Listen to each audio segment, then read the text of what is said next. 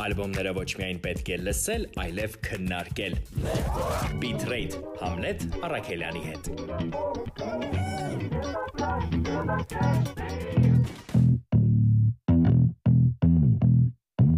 I'm not trying to have another conversation. Probably. Հիշում եք, երբ ժամանակներ կային, երբ ալբոմները ֆիզիկական էին լինում, այսինքն ոչ թվային, դրանք թողարկվում էին, մենք գնում էինք դրանք այսպես ֆիզիկապես եւ նյութականապես բռնում էինք մեր ձեռքերում, տանում էինք եւ լսում էինք հատուկ պլեյերներով։ Պատկերացնում եք, թե այդ ժամանակներում արտիստներից որքան ջանք էր պահանջվում նախ ալբոմները ստեղծելու համար։ Հետո ինչքան երկար ժամանակ էին սպասում, մինչև ալբոմները թողարկվում էին ու այն ժամանակ երբ պետք էր արդեն զբաղվել ալբոմները promote անելով կամ տարածելով, ինչպես ասում են, իրենք հեռանում էին իրեն իրենց իրենց իսկ ստեղծագործություններից ու ստացվում էր որ ը, երգում էին երգեր որոնք կարծես անցյալի ինչ որ ստվերներ լինեին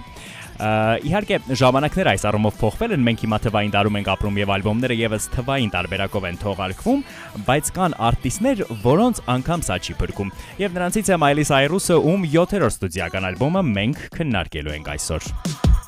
Trying to see the stars through the new pollution. Think that I'm the problem, honey. I'm the solution. Maybe all the chaos is for your amusement. Here to tell you something that don't. Ինչու սա Miley ինչի վերաբերում, որովհետև նա շատ-շատ արագ է փոփոխվում, ինչպես բոլորս ու արի ուտես, որ ստեղծագործությունները, որոնք ծնվում են, թիթերը կյանք են ունենում։ Այդ օրվա մասին գրվում են եւ դրանից հետո հնարավոր է հաջորդ օր այլևս իմաստ չունենան։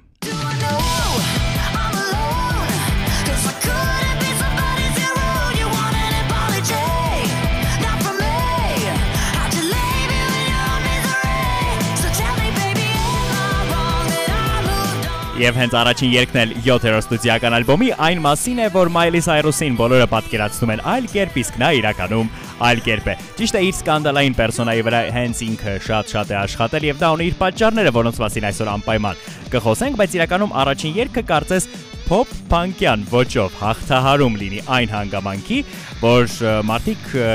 իրեն պատկերացում է, պատկերացնում են ինչ որ կարծրատիպերից ելնելով ու ինքը իրեն այս շատ ծանր այսպես երաժշտության եւ երգի օգնությամբ ազատում է այդ կապանքներից։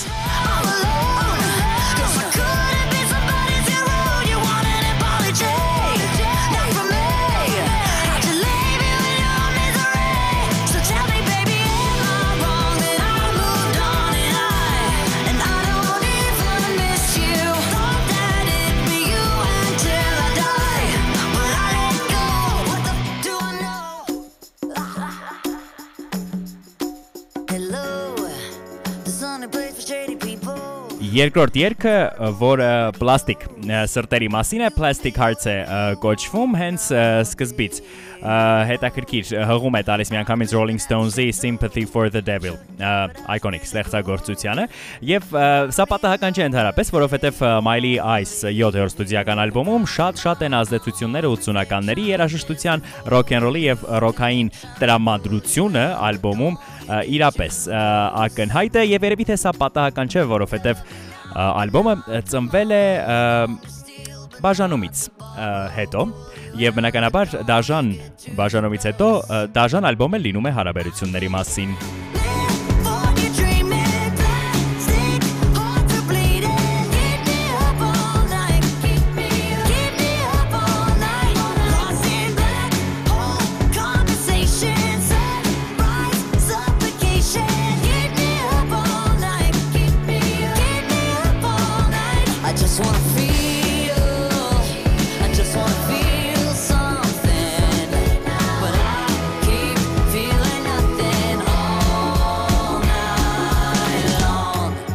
Երբ ուզում ես մի բան զգալ, բայց ամբողջ գիշեր ոչինչ չես զգում։ Այս ուզերն է փորձում փոխանցել մեզ Smile-ին ստեղծագործության միջոցով, ու հետաքրքիր է, չէ, որ նման ը, բացահայտ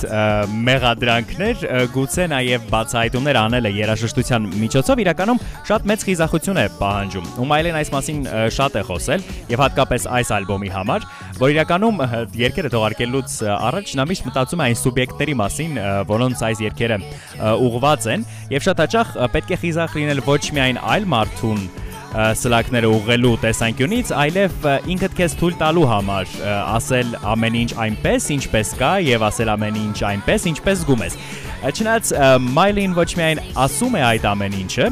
այլև կարողանում է շատ լավ ինքն իրեն ը, իր իդեալների, նաև երաժշտական իդեալների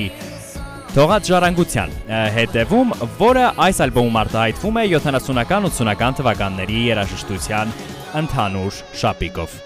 I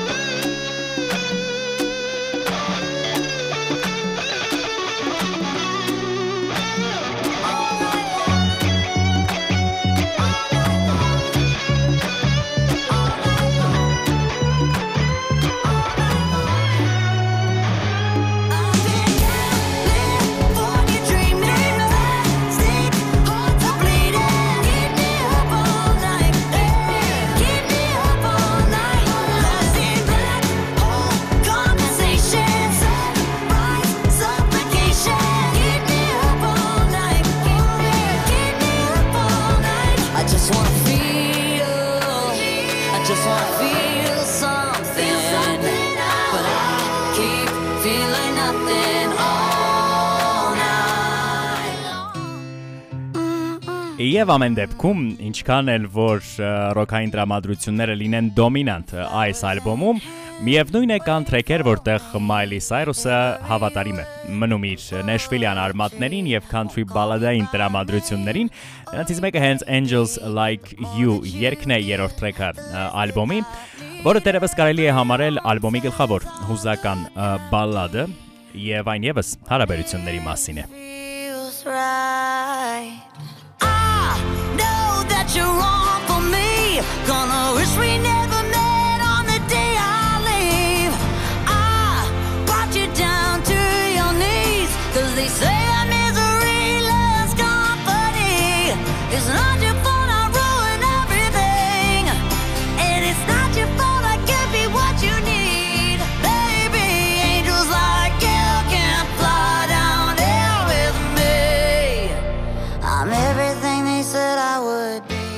Խիզախություն իրականում պետք է ոչ միայն զայրույթը արտահայտելու համար եւ այն սլակները սուբյեկտներին ուղղելու համար, որի մասին արդեն խոսեցինք, այլև խիզախություն պետք է հենց այն ժամանակ, երբ ստիպված ենք լինում հարաբերությունն ավարտել, որովհետեւ ը, հասկանում ենք, որ գուցե մենք լավագույն ընտրությունը չենք մարդու համար, ով մեզ շատ սիրում է։ Գուցե մեր ճանապարհը դեպի ներքև է, ինչպես Մայլին է ասում, իսկ ը, Այն մարդիկ, ում հետ մենք հարաբերություններ ենք ունենում, թևեր ունեն հրեշտակների ու պիտի դեպի վերև գնան եւ նրանց մեզ հետ ներքև քարշ չտալ չտալու համար եւ այդ ընտրությունը կայացնելու համար խիզախություն վստահաբար, վստահաբար պետք է։ Հատկապես այն ժամանակ, երբ մենք հասկանում ենք, որ մարդը մեզ համար սխալ է, կամ մենք ենք սխալ այդ մարդու համար։ Տարբերությունը մեծ չէ։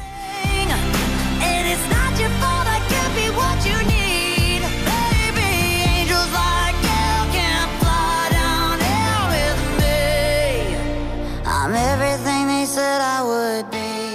Ես այն ամենն եմ, ինչ նրանք ասում էին, որ եմ։ Ասում է Miley Cyrus-ը, դե, պատկերացնում եք, չէ, Miley-ի մասին ինչ լեգենդներ են պատմում։ Այս դեպքում եւ գոնե այս երկի շրջանակում, հիշելով իհարկե թիթերի կանոնը եւ այն, որ Miley-ին շատ արագ է փոփոխվում, բայց համենայն դեպս այս երկի շրջանակում, այս երկը գրելու ժամանակ Դերևս նա իսկապես իրեն համարել է հենց այն վատ աղջիկը, որի մասին լեգենդներ վստահաբար պատտվում են։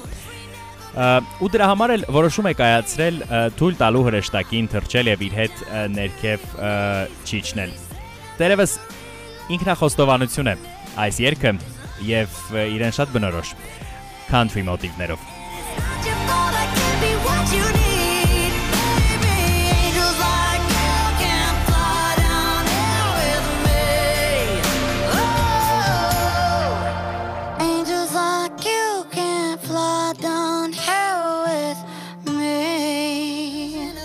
Miley 7-րդ ստուդիական ալբոմը լի է բազմաթիվ համագործակցություններով եւ ֆիթերով տարբեր արտիստների հետ եւ թերևս գլխավորը եւ single-ից մեկ ալբոմի Prisoner տրեքն է Dua Lipa-ի հետ արված։ Let me go. Մենք կարող ենք սա պատահական համագործակցություն չհամարել, որովհետև իրականում երկու արտիստներն էր համարյա թե միաժամանակ վերադարձան փոփ աշխարհ եւ երկուսն էլ հետ բերեցին 80-ականների տրամադրությունները, մեկը մի քիչ ավելի գուցե դիսկո ուղղվածությամբ, մյուսը ռոքային, բայց ամեն դեպքում ինչ որ նմանություն երկուսի բռնած ճանապարհում էլ այստեղ կա եւ հետաքրքիր է որ իրենց ճանապարհները հատվում են հենց Miley ալբոմում, երգով, որը կոչվում է Prisoner, բանտարկյալ։ You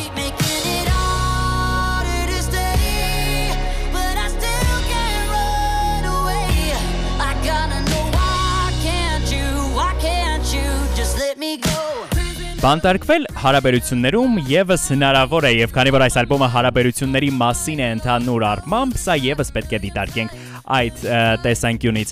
Այնպես որ պարս Պարզապես պարզ մոտեցմամբ այս երգը այն մասին է, որ երբեմն մենք մեր հարաբերություններում կարող ենք զգալ ինչպես բանտում, բայց իհարկե շատ հաճախ բանտարկվածությունը սկսվում է սեփական մտքերից եւ սեփական գլխից, որի մասին էլ Մայլին անընդհատ խոսում է եւ պատմում ձայների մասին, որոնք մեր գլխում են, բայց իրականում մենք հո մեր գլխի ձայները չենք, Մայլին է ասում, ես չեմ ասում։ Եվ համարում է, որ իր կյանքի այս փուլում, այն ժամանակ, երբ ալբոմը թողարկվել է, ինքը կարողացել է հակադրվել իր գլխի ձայներին Չնայած որ այն ժամանակը երբ ինքը վատ ու անկարգ աղջիկ էր եւ իր մասին լեգենդներ էին ը, պտտվում, համարում է որպես ազատության ժամանակաշրջան, ազատության հնարավորության ժամանակաշրջան հենց այն ձայների համար, որոնք գլխում են։ Ըստ Մայլի, այդ ձայներին երբեմն պետք է ազատություն տալ, որ իրենք թողնեն ու հեռանան, որ ինքը կարողանա այլևս ինքն իր գլխի ձայները չլինել։ Prisoner,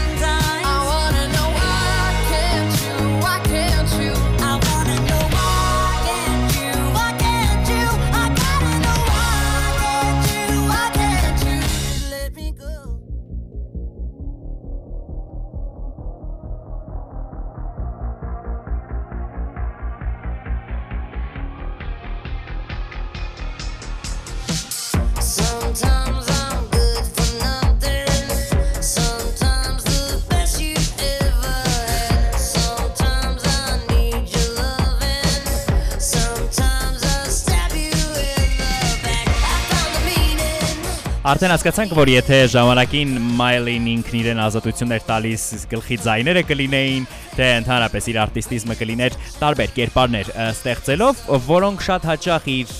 իրական էությունը չէին արտացոլում, ապա այս ալբոմում նա ազատությունը գտել է վերադառնալով դասականներին, վերադառնալով այն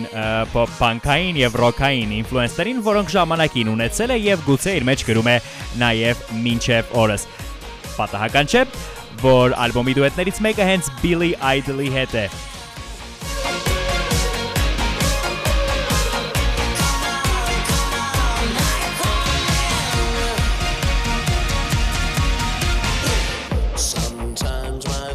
Միացյալ Թագավորության synth pop ամենահայտնի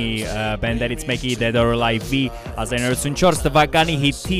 փոքրիկ մոտիվներն ենք մենք լսում Night Crawling երգում, որն էլ հենց դուետն է Miley Cyrus-ի Bill Idol-ի հետ You Spin Me Round երգի մասին է խոսքը վստահ եմ շատերը կհիշեք եւ սա իհարկե միակ անդրադարձը չէ դասական հիթերին 80-ականների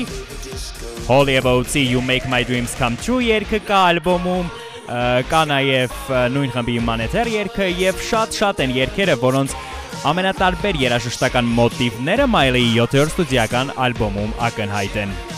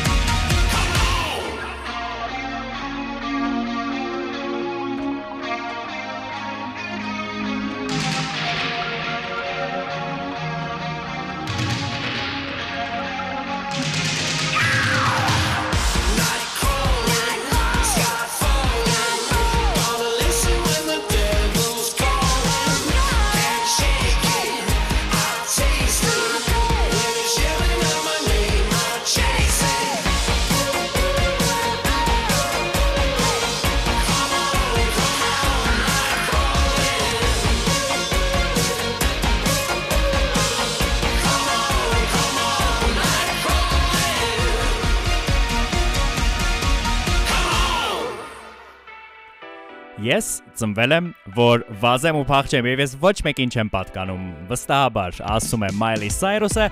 իր առաջին սինգլում, որը թողարկվել է 7-րդ ստուդիական ալբոմից առաջ դերևս եւ որն էլ կարելի էր համարել Miley-ի վերադարձը, comeback-ը, խոսքը Midnight Sky-ի մասին է եւ այս սինգլում եւս ազդեցությունները ակնհայտ են այս դեպքում իհարկե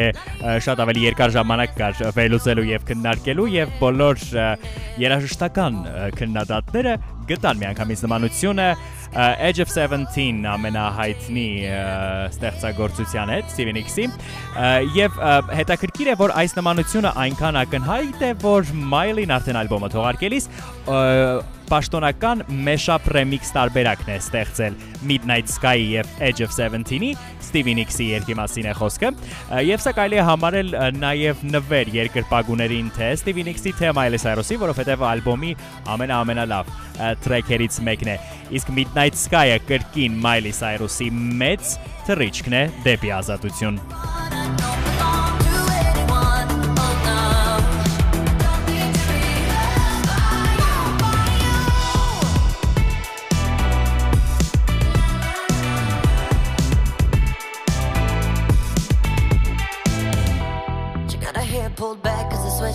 her face. Said it ain't so bad if I wanna make a couple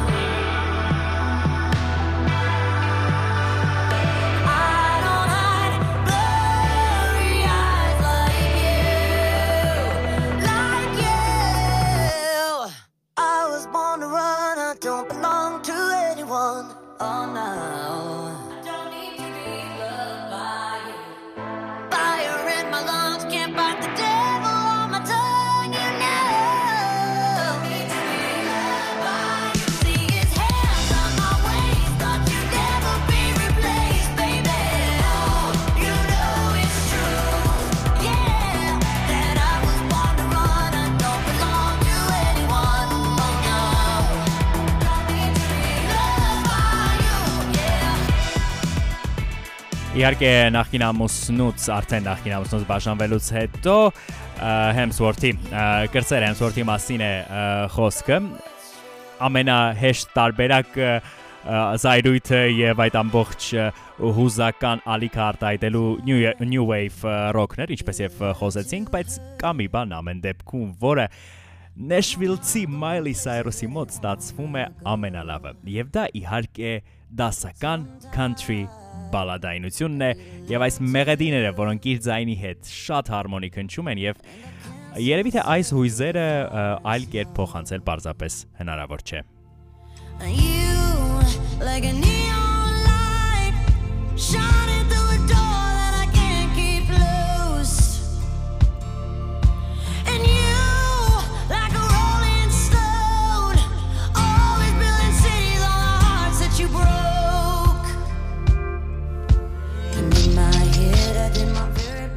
Եվ իհարկե, բալադային մասին, որ շատ հաճախ մարդկանց այն էլ նման կարևորություն ունեցող մարդկանց տեսություն ասելուց հետո մեր կյանքում սկսվում է ինչ-որ տոքսիկ շրջան։ Եվ ինչպես եւ Prisoner-ում բանտարկվածության տրամադրություն կար, այդ նույն տրամադրությունը կարող է լինել եւ այդ շրջանում։ Ու հետաքրքիր է, որ այս երգը իր մեղեդայնությամբ շատ նման է Miley-ի ժամանակի հիթերից մեկին The Climb-ին, Miley-ի երկրպագուները վստահ եմ այս երգը շատ լավ կհիշեն։ բայց այստեղ արդեն հասուն Մայլին է երգում եւ երգում է այն մասին, որ մեծ տարբերություն կա մարդուն կարոտելու եւ նրա հետ մեր հիշողությունները արժևորելու միջև։ Եւ թերևս հասուն ժամանակ արդեն, ինչպես հասուն Մայլին է անում, ընտրությունը պիտի լինի արժևորմանը, շատ ավելի մեծ կարևորություն տալու հետ կապված։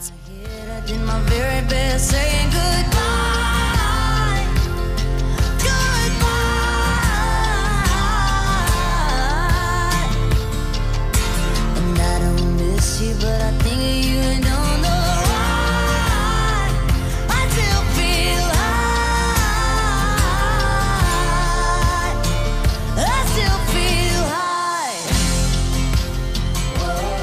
Այնպես որ այս ամենը հաշվի առնելով երգը, որը կոչվում է հայ կարելի է համարել նախկին ամուսնուն շատ բարի կերպով հրաժեշտ տալու լավագույն միջոցը որտեղ Մայլին արժևորում է եւս մեկ անգամ ու կարևորություն է տալիս այդ հարաբերությանը, բայց միևնույն ժամանակ հասկանում է, որ նավը վաղուց լքել է ափը։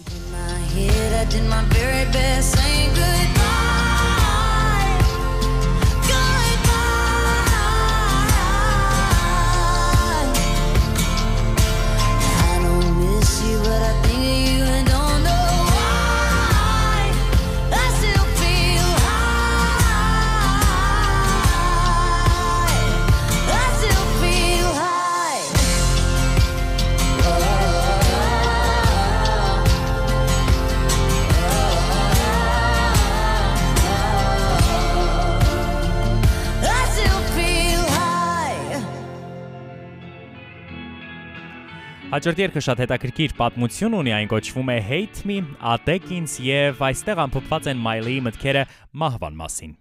Go ahead, you can say it's my fault. If it still hurts at.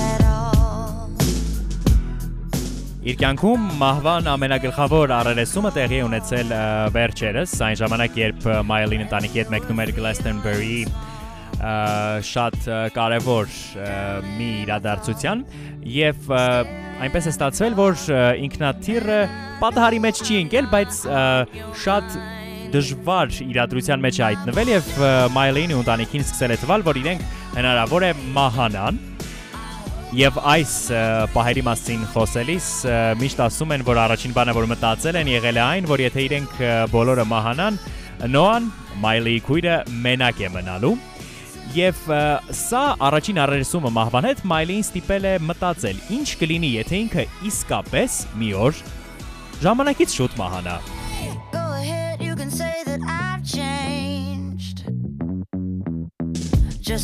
Հենց այդպես էլ հարցադրումն անում է երկու մայրին, ասում է, «Ը, ինչ կլինի, եթե ես մի օր մահանամ։ Ու երազում է, որ իր ընկերները այդ օրը խմեն, ուրախանան, ը, ու որ իրեն ցտեսություն ասելը այդքան դժվար չլինի։ Չնայած որ արցունքի ակնկալիք ամեն դեպքում կա, որովհետև գուցե դրանք ամփոփեն իրենց մեջ իր կյանքը վառ հուշերով այս դեպքում, բայց ամեն դեպքում սա նաև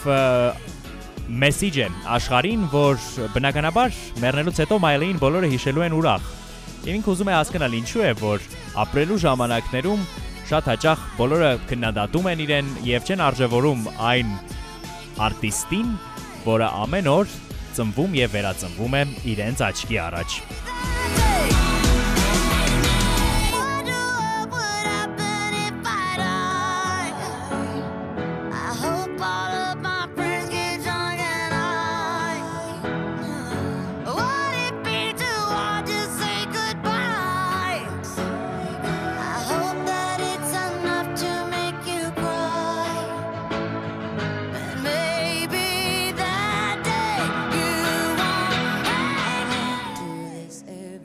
Իրականում Մայլին մինչև 7-րդ ստուդիական ալբոմի թողարկումը ինքնաճանաչողության մեծ ճանապարհ է անցել եւ թերևս դա է իրեն թույլ տալիս այդքան ազատ խոսել իր նախկին կերպարների մասին, խոսել նախկին Մայլիի մասին, խոսել Մայլիի մասին, որը փոփոխվում է ամեն վարքյան եւ ի վերջո Never Be Me տրեքում, որը մենք հիմա միասին լսում ենք, ասել տողեր այն մասին, որ եթե ինչ որ մեկը փնտրում է ինչ որ մեկին, փնտրում է զուգընկերոջ այս դեպքում օրինակ իրեն, որը ստաբիլ է եւ հավատարիմ, դա ինքը չէ։ Never be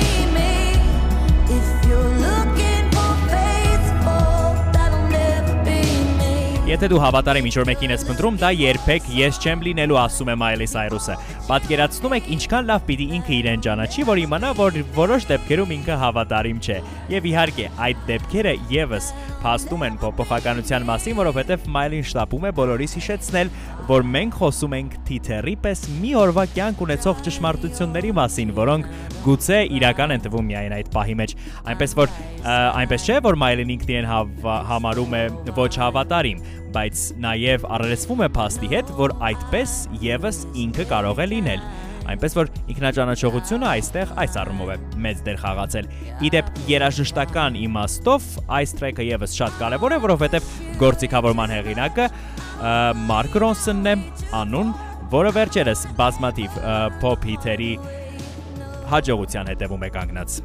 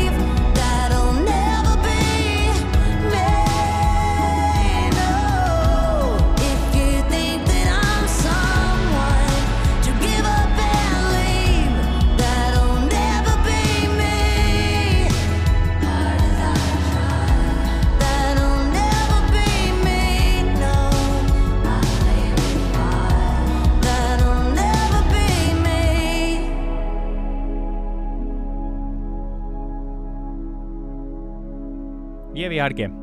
ամենաամենաբարդ մեսիջը, բայց թերևս ամենակարևոր մեսիջը նաև ալբոմի վերջում է, ալբոմի վերջին։ Տրեքում, որը կոչվում է Golden G String։ Հետաքրքիր է, որ այդ ինքնաճանաչողության ճանապարհը, որի մասին խոսեցինք, որի մասն էին նաև զայրույթը, ազատագրումը, հայաց գցելով անցյալին եւ վերադարձնելով ինչ որ առումով դասական հիթերը, որոնք կարողանում են պատնեշ ստեղծել Մայլի եւ իրականության միջև գուցե նաեւ արտացոլել Մայլի այս պահի իրական էությունը ամեն դեպքում վերադարձնում են իրեն այն գաղափարին որ մայլիները, որոնք եղել են ժամանակին, իսկ այդ մայլները եղել են տարբեր, ծառայել են իր իրենց նպատակին։ Այդ նպատակը ըստ մայլի իր համար ամուր, ամուր հիմք ստեղծելն էր, սիրո աշխարհի կողմից, որովհետև պետք է համաձայնենք, որքան էլ որ սկանդալային էր Մայլիի կերպարը, ամեն դեպքում այն ինչի միջով նա անցավ որպես փոփ արտիստուհի, վստահաբար շատ մեծ մեծ էր, մասշտաբային էր եւ թողել է իր հետքը ոչ միայն Մայլիի կարիերայի վրա, այլև ընդհանրապես ամբողջ փոփ աշխարհի Մայլին խոստովանում է, որ շատ դժվար է այն ժամանակվա մեծ հաջողությունից եւ նման կերպարներ ստեղծելուց հետո կարողանալ անել մի բան, որը այդ նշաձողին գոնե մի քիչ կհավասարվի։ Բայց երևի թե դրանում է հենց այս ալբոմի հաջողության գաղտնիքը, որովհետև Մայլին վերադարձել է իր երաժշտական կարիերայում մի կետի, որտեղ ոչ թե կարևոր են վերնագրերը, որոնք տրվում են ամենատարբեր սկանդալային հոդվածներին, որոնք տպագրվում են Մայլիի մասին, այլ կարևոր է երաժշտությունը։ Եվ քանի որ երաժշտությունը մղվել է առաջին պլան, մենք ունենք Հրաշալի։ Իրական ալբոմ, որը ամբողջությամբ այսօր չլսեցինք, բայց իհարկե հասկացանք, որ արժե լսել Miley 7-րդ ստուդիական ալբոմը։ Սա բիթրեյթներ կհանդիպենք մյուս 5 շաբթի։ involved. He says, if you can't make ends meet, honey, it must be your fault. We all focus on the winners and get blinded by their shine. Maybe caring for each other's just to 1969.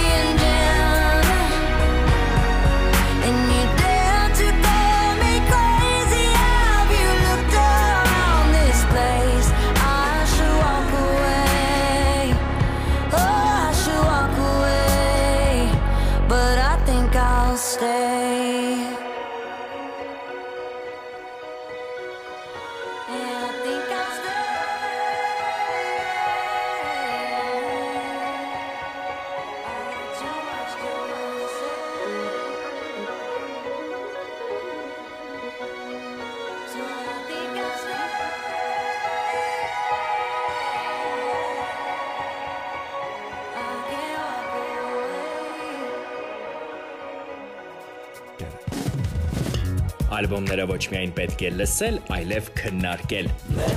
Bitrate Hamlet Արաքելյանի հետ։